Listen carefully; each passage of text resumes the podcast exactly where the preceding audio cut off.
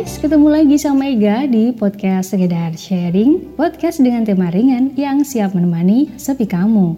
Episode kali ini kita bakal lanjut ngebahas tentang depresi yang udah kita bahas di episode sebelumnya. Nah guys, kemarin Ego udah sebutin beberapa hal yang sekiranya bisa membuat seseorang menderita depresi ya, kayak masalah keuangan, masalah keluarga, atau punya penyakit yang nggak kunjung sembuh. Dan kali ini kita akan lanjut ngebahas tentang jenis-jenis depresi. Oh iya, sumber pembahasan Ega tentang depresi ini Ega ambil dari alodokter.com ya guys, jadi valid deh. Guys, Organisasi Kesehatan Dunia atau WHO mencatat setidaknya ada 260 juta penderita depresi di seluruh dunia. Dari sekian banyak angka itu, diperkirakan ada 800 ribu di antaranya memutuskan bunuh diri atau suicide karena depresi yang dideritanya. Depresi ini guys dapat dibedakan menjadi beberapa jenis di antaranya yang pertama ada depresi mayor ya jadi ini tuh jenis depresi yang membuat penderitanya ngerasa kayak sedih, putus asa sepanjang waktu gitu, dan ditandai dengan suasana hati yang murung, kemudian suram gitu, udah kayak orang patah hati lah. Kehilangan minat terhadap hobi atau aktivitas lain yang sebelumnya tuh suka. Jadi kayak kamu misalkan suka nyanyi tiba-tiba kayak males, ah males gitu. Perubahan berat badan atau mungkin juga bisa sampai gangguan tidur dan sulit berkonsentrasi. Hmm, Kemudian ada yang kedua ini jenis depresi persisten atau disebut dengan sistemia ya. Termasuk dalam kategori depresi kronis sih dengan gejala yang ditimbulkan sama dengan depresi pada umumnya. Hanya saja depresi jenis ini tuh berlangsung lama, bahkan hingga bertahun-tahun. Penderita juga susah bersosialisasi dengan orang di sekitarnya.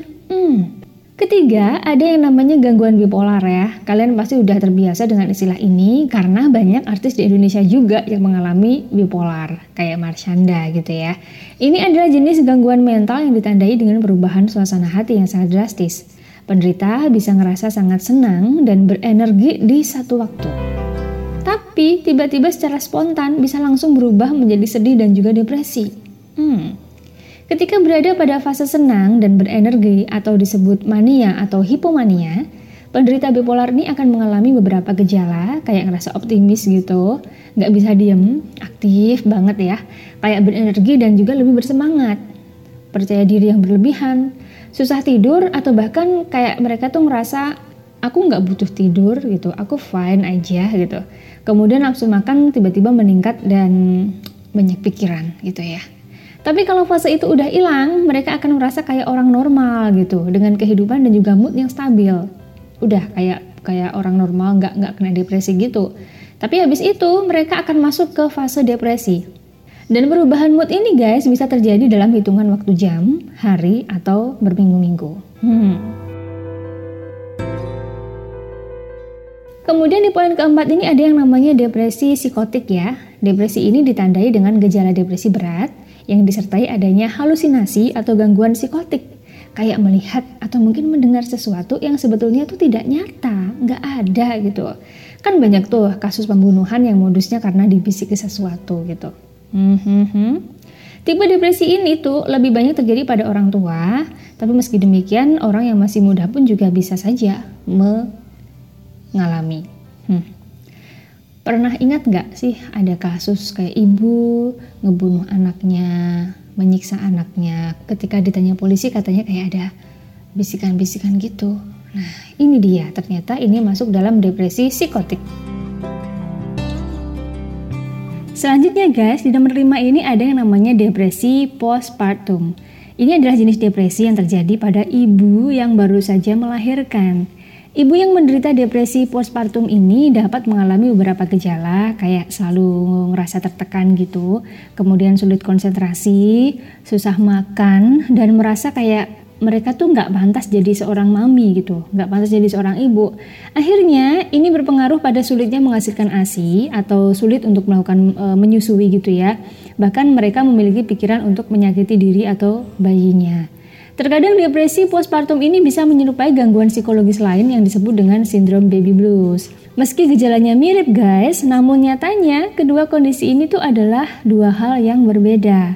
Kalau baby blues itu muncul dua minggu setelah melahirkan, kadang-kadang gitu ya. Kalau depresi postpartum ini dapat berlangsung lama sampai enam bulan atau lebih dan dapat mengganggu ikatan batin antara ibu dan bayi. Hmm, ternyata sama-sama ini sih, sama-sama bahaya juga ya, sama baby blues juga.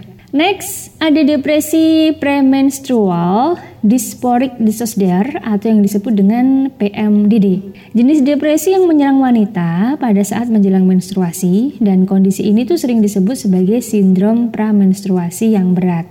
Nah, ternyata kondisi wanita yang akan uh, memasuki masa period atau akan menerima tamu datang bulan menstruasi itu ternyata juga bisa menyebabkan depresi. Jadi kadang-kadang wanita tuh kalau pas mendekati tanggal-tanggal tuh kayak emosian gitu, capek, mudah lelah, terus emosinya nggak stabil, moodnya naik turun gitu. Nah ini ternyata selain sebagai gejala depresi juga merupakan tanda-tanda untuk datangnya menstruasi. So kalau kalian ngerasa kayak gitu tuh uh, pikir positif aja. Kenapa ya aku kayak gini? Jangan-jangan aku depresi berat dan lain sebagainya. Jadi harus diganti pemikiran kita dengan oh bentar lagi aku menstruasi kayaknya. ya udah prepare. Kalau kalian bisa minum obat minum obat disiapin obatnya atau mungkin pembalut habis langsung beli pembalut dan lain sebagainya. Coklat biar bisa meredakan mood ya, mood yang buruk gitu. Nah guys, depresi itu bukan sekedar rasa sedih biasa ya. Kalau misalkan depresi nggak segera mendapat penanganan serius dan tepat, akan bertambah parah. Penderita sendiri berpotensi melakukan percobaan suicide. So, kalau di antara kita ngerasa ada gejala depresi, nggak ada salahnya buat konsultasi ke psikiater. Karena di situ kita bisa menemukan atau menentukan jenis depresi yang kita derita. Dokter pun di situ juga akan melakukan pemeriksaan kejiwaan. Kalau udah diketahui jenis depresinya apa, dokter pun akan memberikan penanganan yang sesuai. Hmm.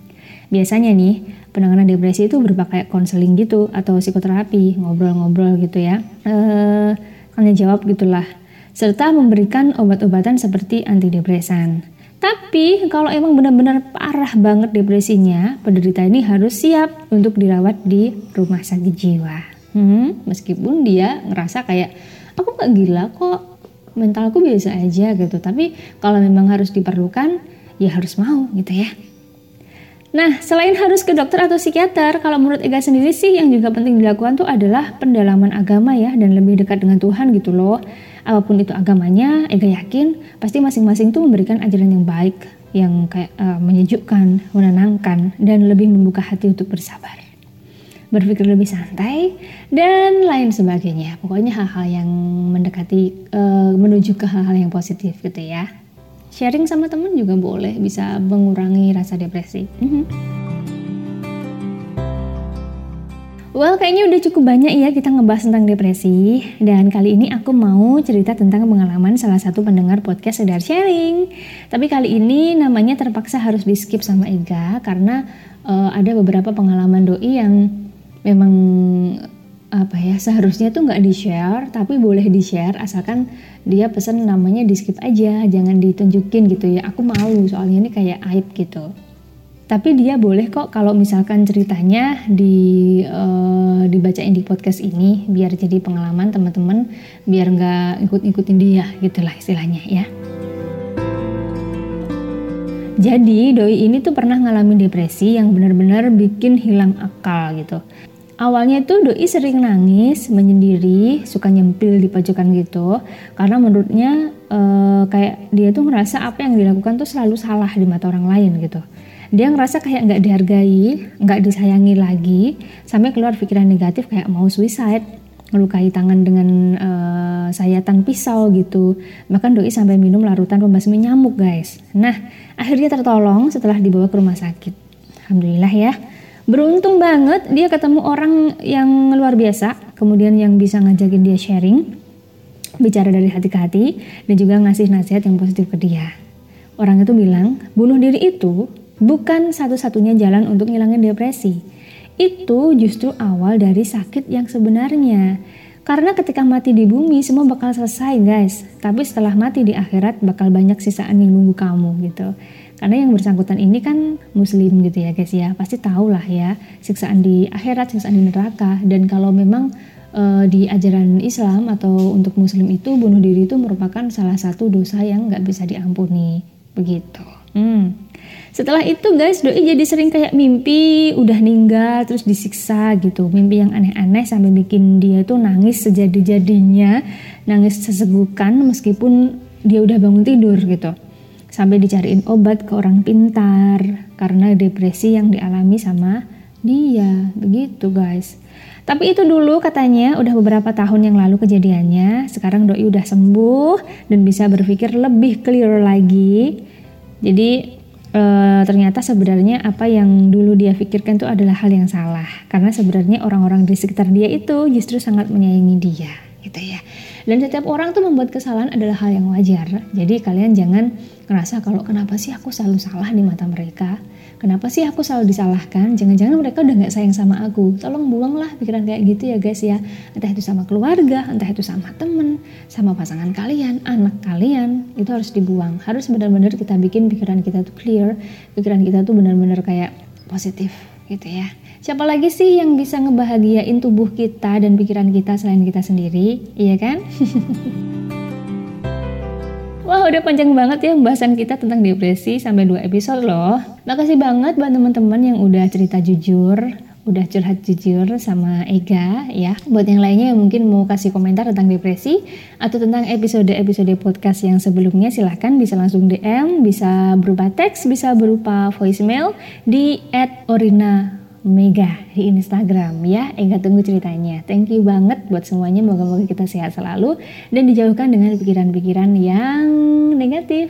Ega pamit ya, sampai ketemu di episode berikutnya. Jangan lupa untuk bersyukur, bersedekah, dan buang sampah pada tempatnya. See you, bye-bye.